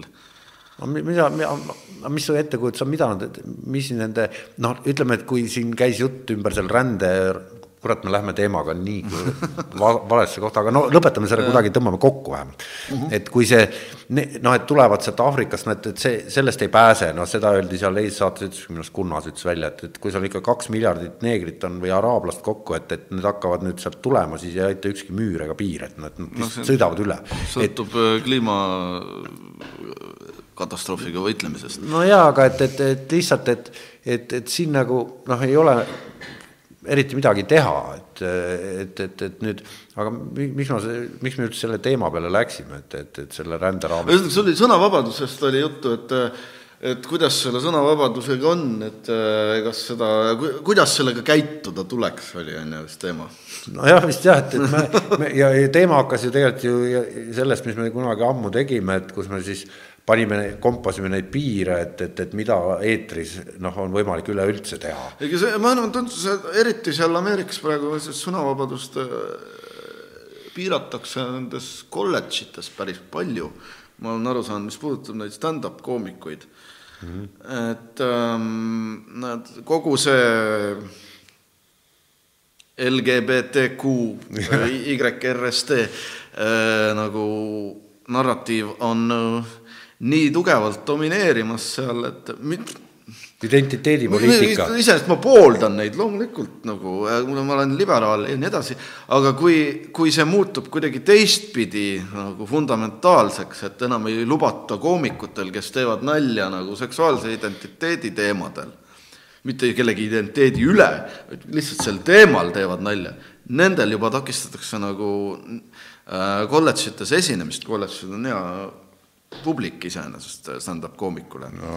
siis see muutub mingisuguseks nagu sõnavabaduse piiramiseks, äh, mille, mis nagu aga kuule, ma vaatasin just ühte videot äh, hiljuti, kus äh, õppejõud andsid ülikoolis sisuliselt paberi peal järjekorras seistes kõik uuele direktorile vande, et nad tegelevad noh, equity problem ehk siis võrdsusprobleemiga tähendab seda, et kunstlikult nagu on vaja, seal oli, see oli ikka päris hull video, no et, et kui, kuidas, kuidas, neil on ette kirjutatud, kuidas nad peavad käsitlema, ükskõik mis õppeaine on, matemaatika või ühiskonnaõpetus, vahet pole, et käsitlema seda val-, noh, et võrdsus, sugude võrdsust ja, ja aktsepteerima siis, kui keegi tahab, et teda nimetatakse, ma ei tea, kelleks, et siis seda ka tegema. ja, ja, ja kui ei tee, siis kinga, noh, et see on jah. aga ma, ma ei oska sellega öelda jah, mis video, kuidas, kes. ei, ma, ei no tegelikult jah, et eh, vahet pole, et eh, aga mida, mis sa arvad, et siin Eestis nagu, mida meiesugused saaksid teha, et või kas meil on, on seesama probleem nagu tõs-, tõusmas?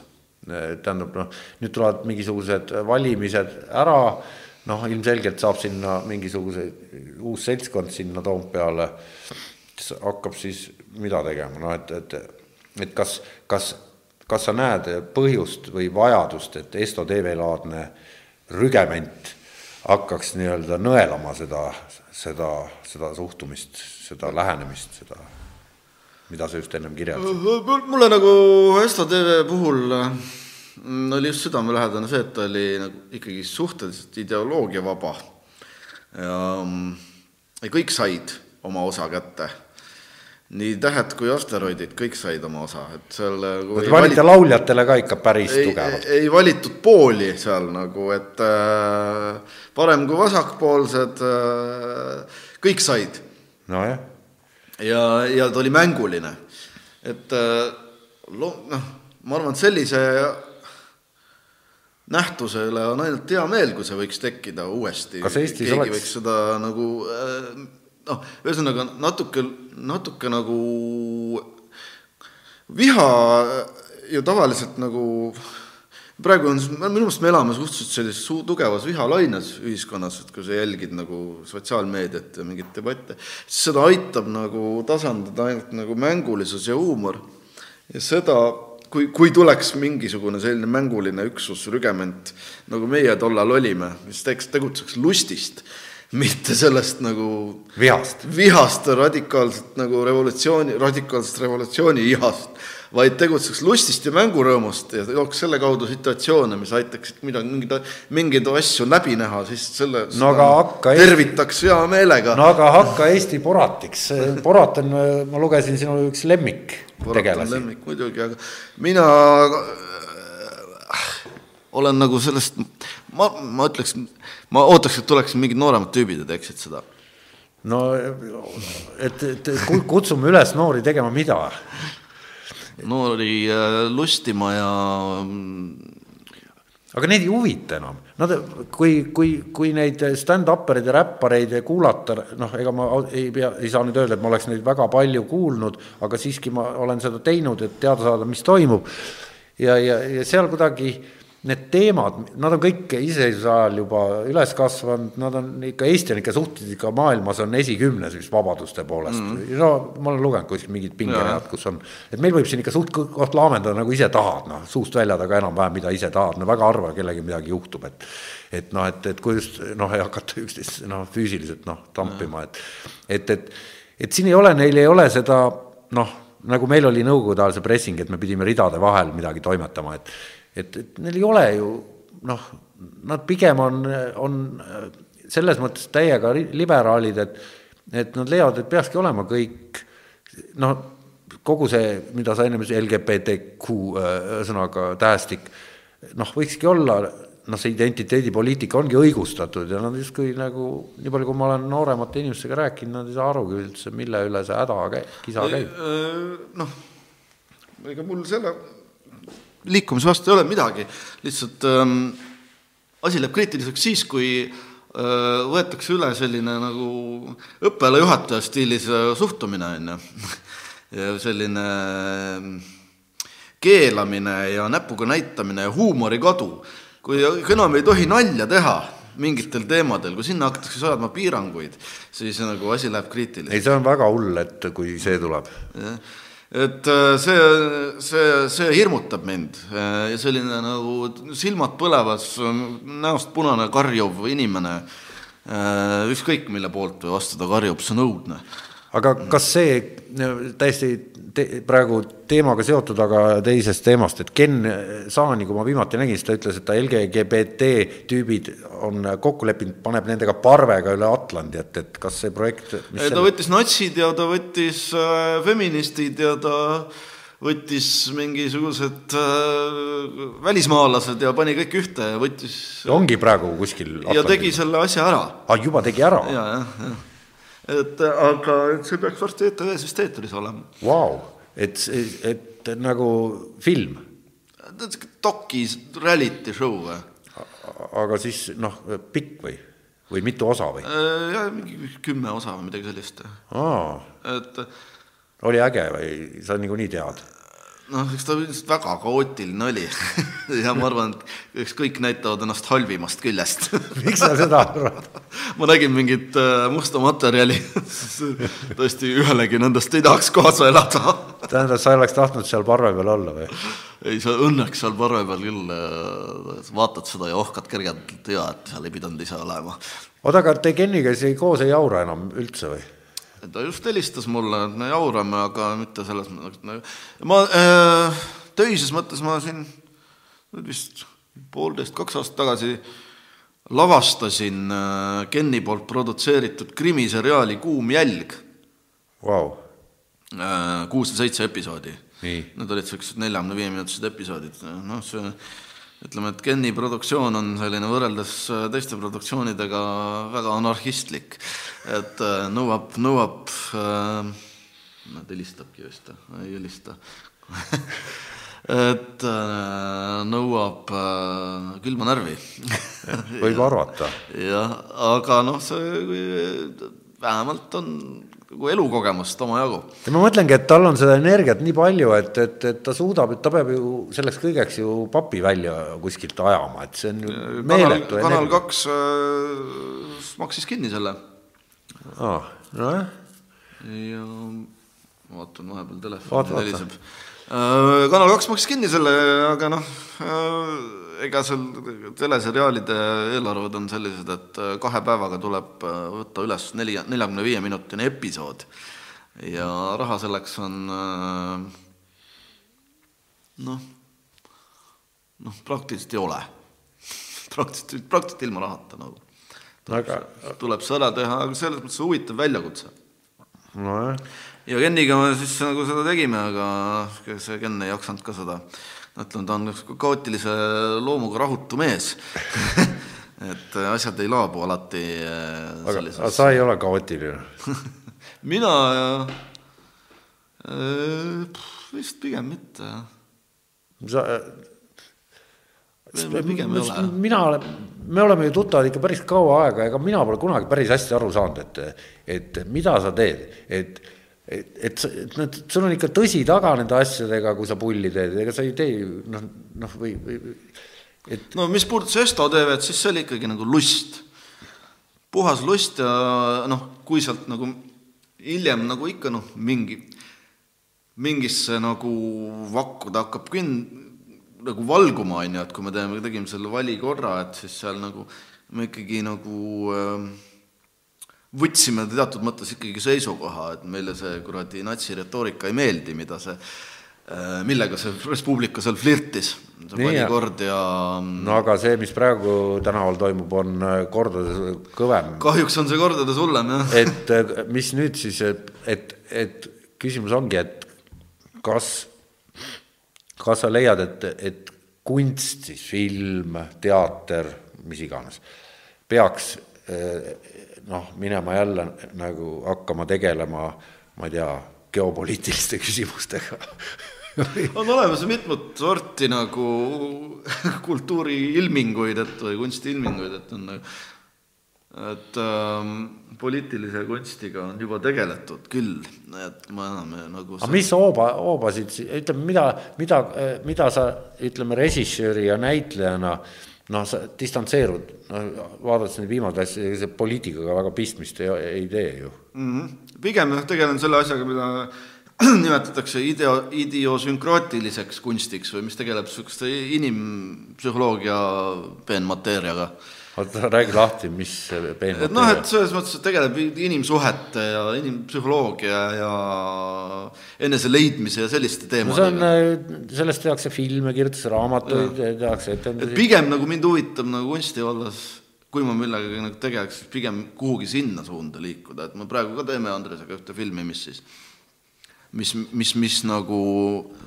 mil-, millegi sellise suunas liigub. Nojah et mi- jah, mis see on nagu, millest see nagu noh, eks, eks seda poliitilist ideoloogiat annab iga asja külge nagu kuidagi mingi ideoloogia ikka igalt poolt läbi jookseb, aga nagu tõena-, noh, et see ei oleks vähemalt nii esil. aga mis sa sellest arvad, et ütleme noh, klassikaline filmitegu noh, kui noh, elektrijaamad, reedkaamerad, ma ei tea, K9, mis iganes seal viimased on, kogu see kallis kama, mis seal sellega kaasas käib, versus nüüd see, mis me siin praegu teeme. et mõlemad liigutavad pilti, mõlemad on noh, kuuldavad ja nähtavad meediumid mm, -hmm. üks maksab miljard, teine ei maksa, et et, et kus sinu jaoks see piir jookseb, kus sisu ja vorm noh, et, et kus sa oled nõus järeleandmisi tegema, näiteks et raha pole, aga ma teen ikkagi. No see ongi, et kui me teed nagu väikseid psühholoogilisi asju pigem, siis äh, no ma ei ole kunagi eriti, eriline suurvormide fänn olnud ka, aga kas sa Kraalis ei jalaka nendesse suurvormis ei löönud kaasa? ei sa olid ju püsitrupi, ei olnud, kas sina ei olnud? ei, ma tegin ainult ühes etenduses kaasa. Kraalis äh, ka kahe tuhande vist seitsmendal aastal, jah. No et sina ei olnud, sest Juhan Ursak oli ju küll seal ikka pikalt Juhan ja Taavi ja Eelmaa. Juhan ja Taavi vist on siiamaani seal jalakaga seda mingisugust eepilist suurvormi teema, tegemas.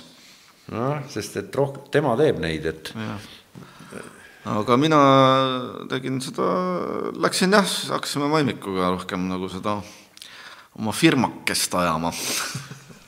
teil ja on siis sealt äh, selle kaudu oleme teinud mingit et teil on see huum-, huumori koht on ikka üsna, üsna oluline, see prioriteetide nimekirja seal tipus, jaa, see muidugi, läbi, läbi selle prisma. jaa. aga noh, mis puudutab järgmist filmi, siis see tõenäoliselt nagu puhtakujuline komöödia kindlasti ei saa olema. ja noh, eelmine ka, ega Minu näoga onu, kus ma olin seal peaosas. ja seda ma vaatasin, see äh, väga hea film oli. ei saa nimetada komöödiaks. kindlasti see jah, et dramöödia või on selline mõiste nojah, et, et mul, mul tegelikult, ega ma vaatad äh,, lemmikfilmid on ikka sellised, mida ei ole otseselt nimetatud komöödiaks. oh, lähmegi selle juurde, mis su lemmikfilmid on, režissöörid ja tegelased? ma mõtlen,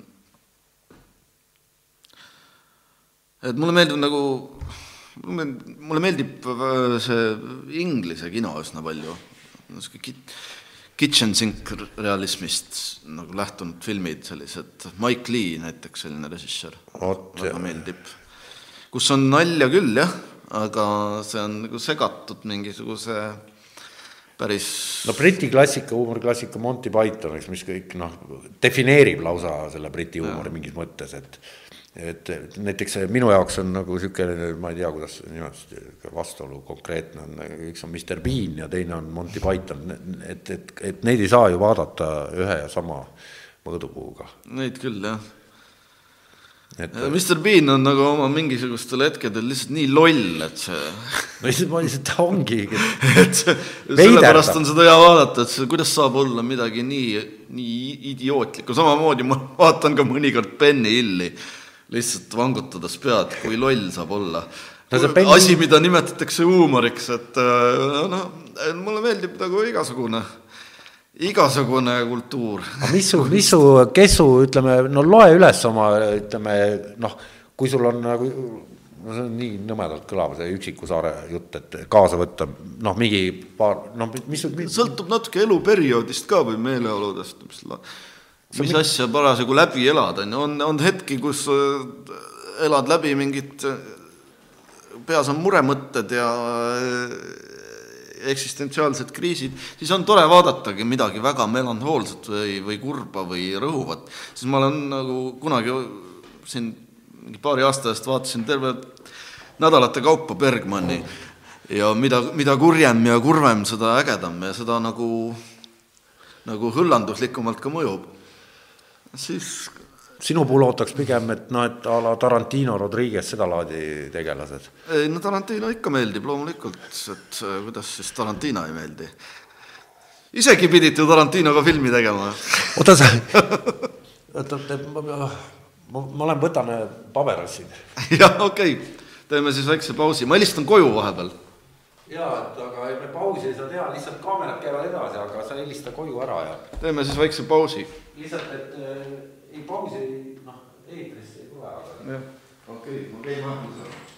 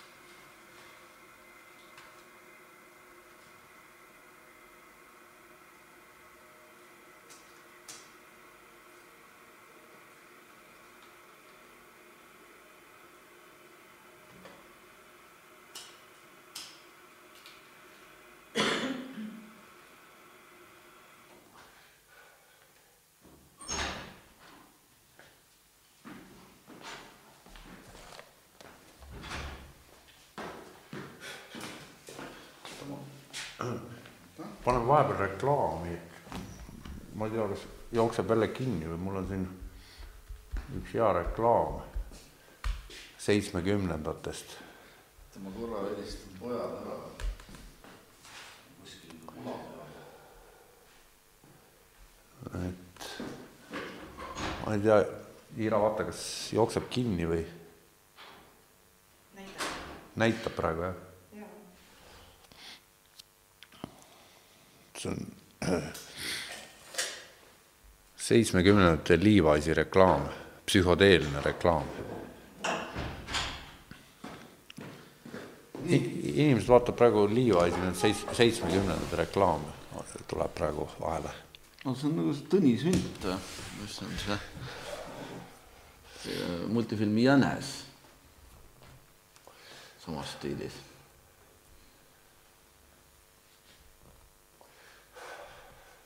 mul on heli maha võetud, nüüd see meie heli läheb ilmselt. meie heli ei lähe praegu või? Läheb küll. aa jaa, vaba kulgemisega saade.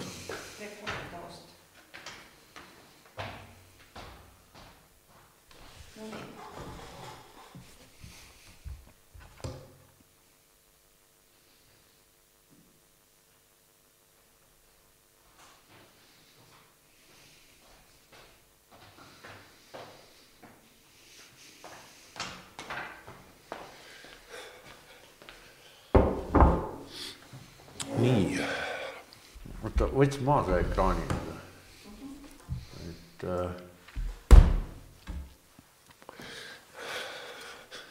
no nii, nüüd me oleme jälle tagasi eetris. sul on see nagu äh, see äh, Urmas Vati carte blanche. ma just ennem, ennem mõtlesin, et, et, et kui, kui, kui ma sulle, kui ma sulle helistasin siin mõni päev tagasi, et et, et, et, et, et see ei ole portreesaade, et see ei ole carte blanche, et võtame, hakkame mi- millest mingi, mingil teemal rääkima. ja nüüd sa ütled, et see on ma mõtlesin vormistuse mõttes, et see kaks inimest istuvad musta laua taga, saatejuht suitsetab kogu aeg. siis vahepeal lülitas see, see heli välja, pannakse mingi muusika mängima, need räägivad ikka edasi. ma just tahaks teada, mis nad siis räägivad, kui see muusika seal käib. oota, aga kas carte blanche all ometi, kas siis võis suitsu tegi ta ka? Ott pani suitsu, jah. Pani ka? otse-eetris, jah. sest et ma mäletan seda momenti küll, et teatris me tegime etendustes või siis Draamateatri väikses saalis tegime tükki, kus tõmbasime laval Ussar Toomasega, tõmbasime suitsu terve etenduse. ja see oli täitsa norm normaalne. Aga see oli kaheksakümmend üheksa aastat. no praegu kui teed lava peal suitsu, siis äh, sellest äh, mingi ajakirjandusest tuleb skandaal. oli mingi etendus, Mait Malmsten pidi suitsetama, siis ja tuli skandaal või? jah, jah. Oli jah. no et meie väiksel te telejaamas siin ei, ei tule, aga meil on teater praegu. meil on siin, meil me, me oleme laval ju praegu. ja, ja meil on üks vaataja ka. jah. et äh, aga, äh, et me nüüd jäime, hakkasime kokku tõmbama kuskil, oota, mis see, kaua me oleme siin olnud juba, mis see? me oleme olnud poolteist tundi. aa, no vot, siis ongi niisugune mõistlik aeg, et, et, et me jääme sinna, et mis režissöörid, mis filmid, mis noh, mis on sinu jaoks, ma arvan, et see huvitab väga paljusid inimesi, kes meid vaatavad ja kuulavad, et mis on Rain Tolk nagu ütleb, mis on nagu tema jaoks ma mõtlengi, et see on nagu erinevatel eluperioodidel, mis, mis asju parasjagu läbi elad ise, on nagu erinevad lemmikud. ja erinevad asjad äh, tähendavad midagi. hetkel nüüd, kuivõrd me siin äh, üritame Andres Maimikuga teha järgmist filmi natuke teistsuguse meetodi abil, kui tavaliselt siin filme tehakse, siis on see Mike Lee, inglise äh, inglise režissöör, kes teeb selliseid improvisatsioonilisi filme äh,. Mike Lee on mulle väga ammu juba meeldinud, et Naked näiteks on kuulus, kuulus film tal, võitnud mitmeid preemiaid üheksakümnendate algusest, kaheksakümnendate lõpust. Äh,. et siis on nagu see tema selline hästi realistlik ja eluline näitlemise laad, mis tema filmides on, on nagu kõnetab hetkel. Mm.. et hästi elulised, elutruud karakterid on läbi tunnetatud, et kuidas sellist asja on saavutatud, selleks siin.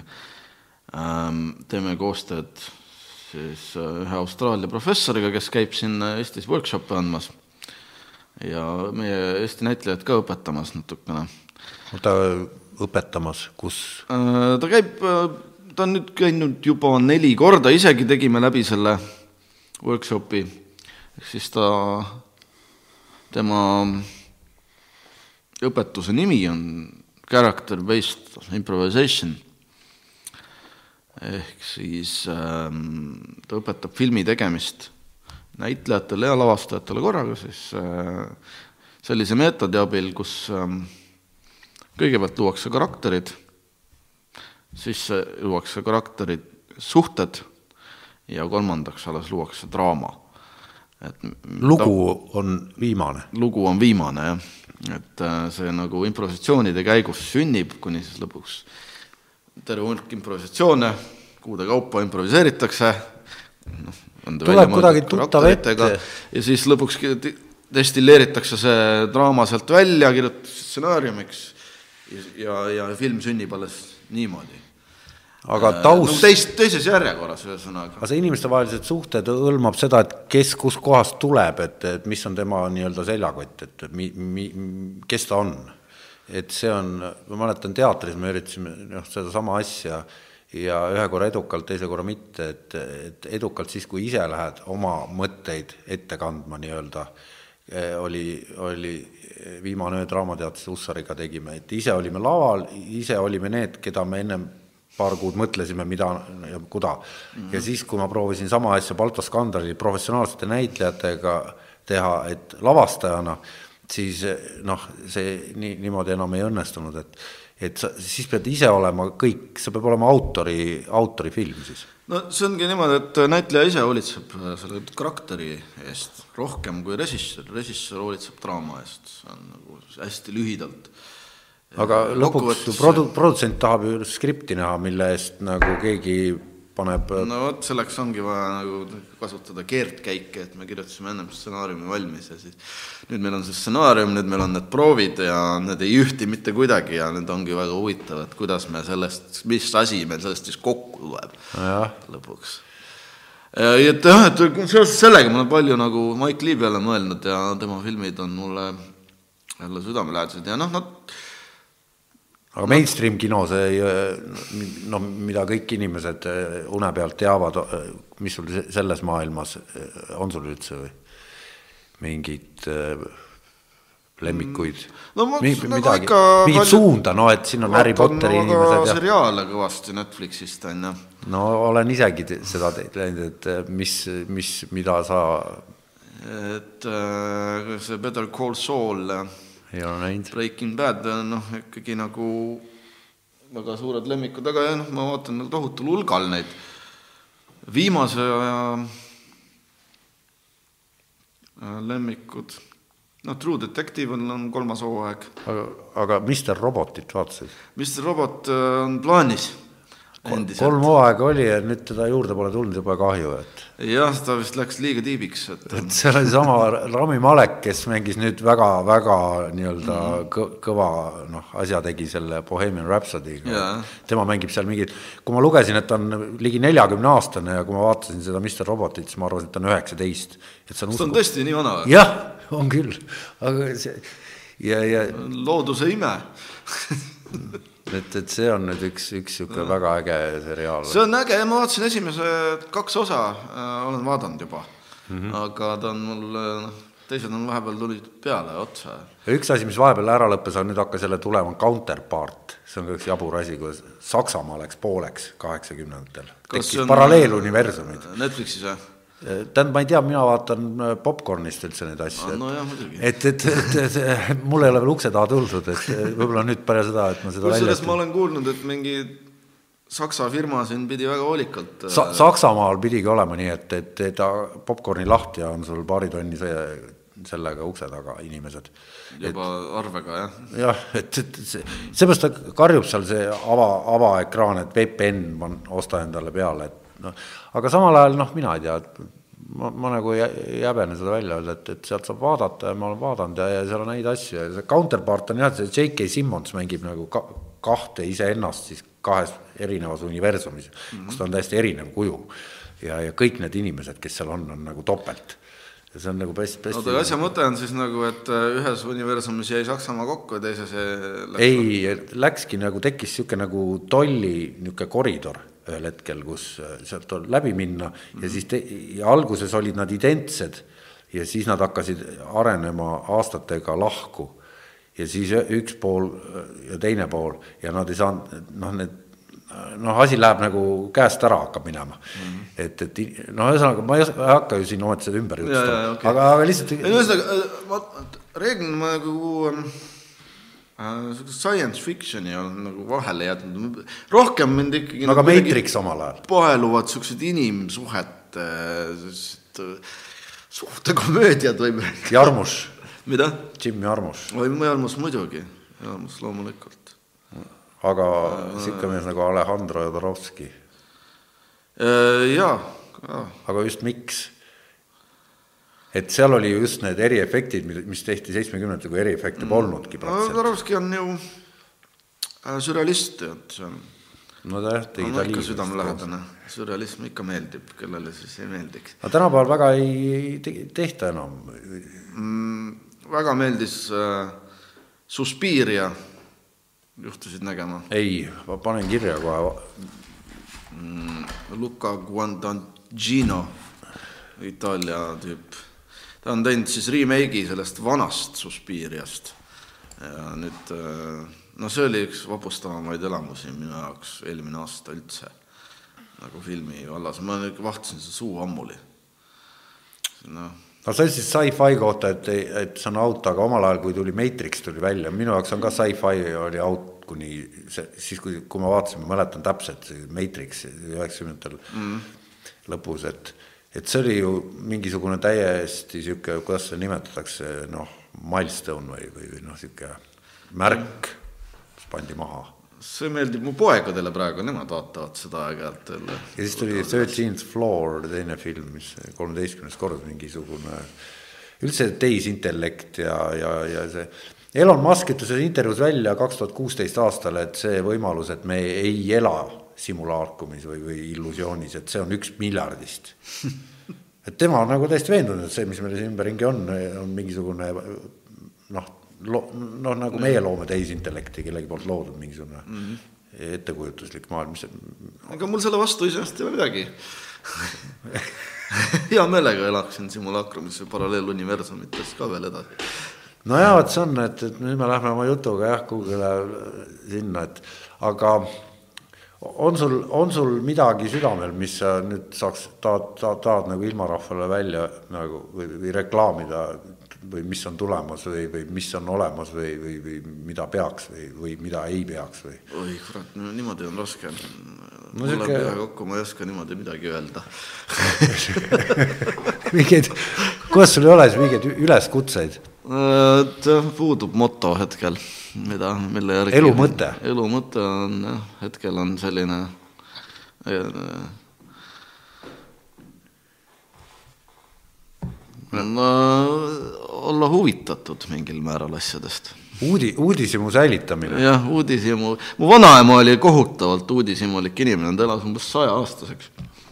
see kuidagi, isegi hoolimata sellest, et tal oli suhteliselt keeruline elu, palju traumaatilisi kogemusi, noh, sõja ajalt ja nii, et aga sellest hoolimata nagu uudishimu hoidis teda kuidagi nagu rõõmsana. kurat, uudishimu on ikka vist üks, üks vedavamaid jõude, et räägitakse sugutung ja surmahirm, ma olen mõelnud selle peale. uudishimu, uudishimu on kõvem.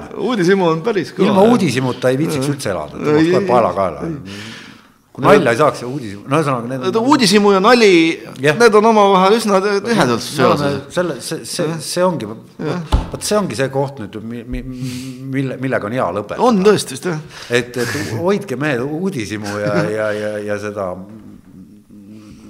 noh, huumorit üleval. uudishimu ja huumor, kaks põhiasja tõesti. sugutung ja surmahelm, no sugutung, see on tõenäoliselt niikuinii mingil hetkel läheb, muutub teisejärguliseks. no me, me võime hakata rääkima selles perspektiivis, et millal.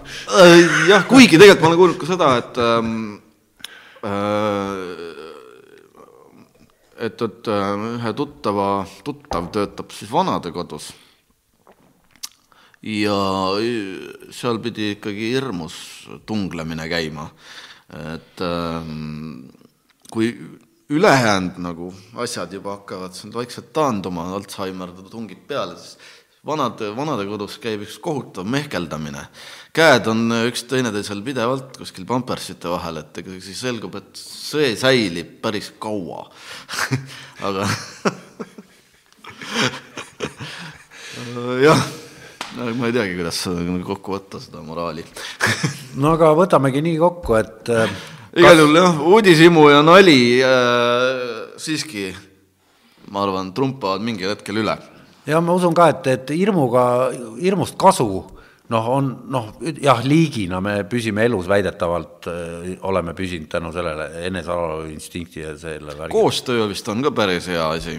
on küll. jah, et, et äh, selles, jah, see ongi, sellest võiks ka ikkagi nagu kinni pidada, et kui inimesed ikkagi nagu stabiilsel hulgal koostööd teevad, mitte ei kakle kogu aeg ega trumpa no, üksteist üle äh, nende vihakirjutistega sotsiaalmeedias, sotsiaalmeedia on kurat süüdi ka selles no, aga, viha tekkimises no, midagi. siin ütleme siinsamas laua taga noh, et, et ongi üleskutse minu poolt, et, et, et inimesed võiks tulla siia ja, ja me võiksime ju ükskõik mida arutada, neid samu asju, mille ümber keegi omavahel kakleb, et siin saab ju niimoodi piisavalt pikk vahe on ka, et üle laua lõuksi noh, ei ulata, et, et, et, et saaks ju noh, oleks võimalus inimestel ju rääkida oma asjad ära, et, et selles mõttes on Youtube hea asi, et siin ei ole seda saate lõpu piirangut, et nüüd, nüüd on kell kukub ja, ja, ja peab ära lõpetama, et. muidugi ma ei tea, kes seda vaadata viitsib pärast. ei no aga sa saad vahepeal ju pausi panna ja siis järgmine päev edasi vaadata, et ja. selles nagu, ma vaatan need maailm, noh, mis ma ise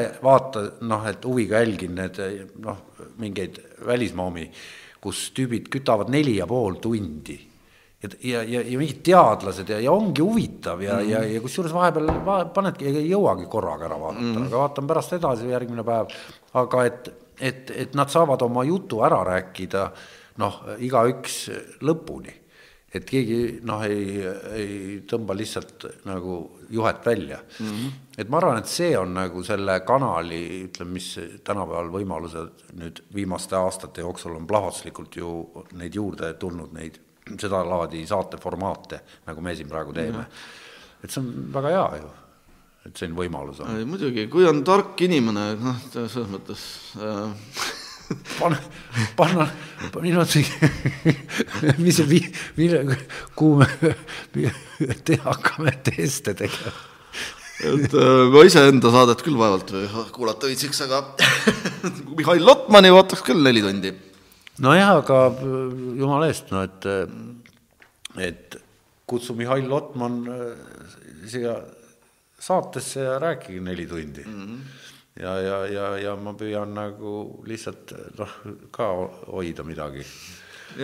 et siin, siin ongi niimoodi, et me saame nagu teha kaks külalist, noh, ja ütleme siis nelja kaameraga, noh, oleme teinud, et, et põhimõtteliselt täiesti tehtav no aga oli tore, aitäh, et kutsusid. no ja aitäh, et tulid, ma ausalt öeldes mõtlesin vahepeal, et sa kadusid ära, mõtlesin, et see on mingi Esto naljad, et nüüd, nüüd ma pean hakkama üksi, üksi rääkima. et, et internetis klippe näitama no,. aga. sa tuletasid piisavalt palju meelde sa ei saa, see, sellest ka see juubelisaate pealkiri et aga, aga nüüd ma saate lõpus ikkagi, et nüüd tagantjärgi, mis sa pealkirjaks paneksid, et mis siis juhtus ma ei tea, meil see uudishimu ja nali oli kuidagi nagu seal kuidagi äkki midagi sellega seonduvat. jah, uudishimu nali on see, aga ma, ma ära ei muuda, et see jääb lihtsalt, et kes, kes nüüd vaatab lõpuni, see saab teada. sellega siis ongi kõik ja aitäh kuulamast, vaatamast. aitäh.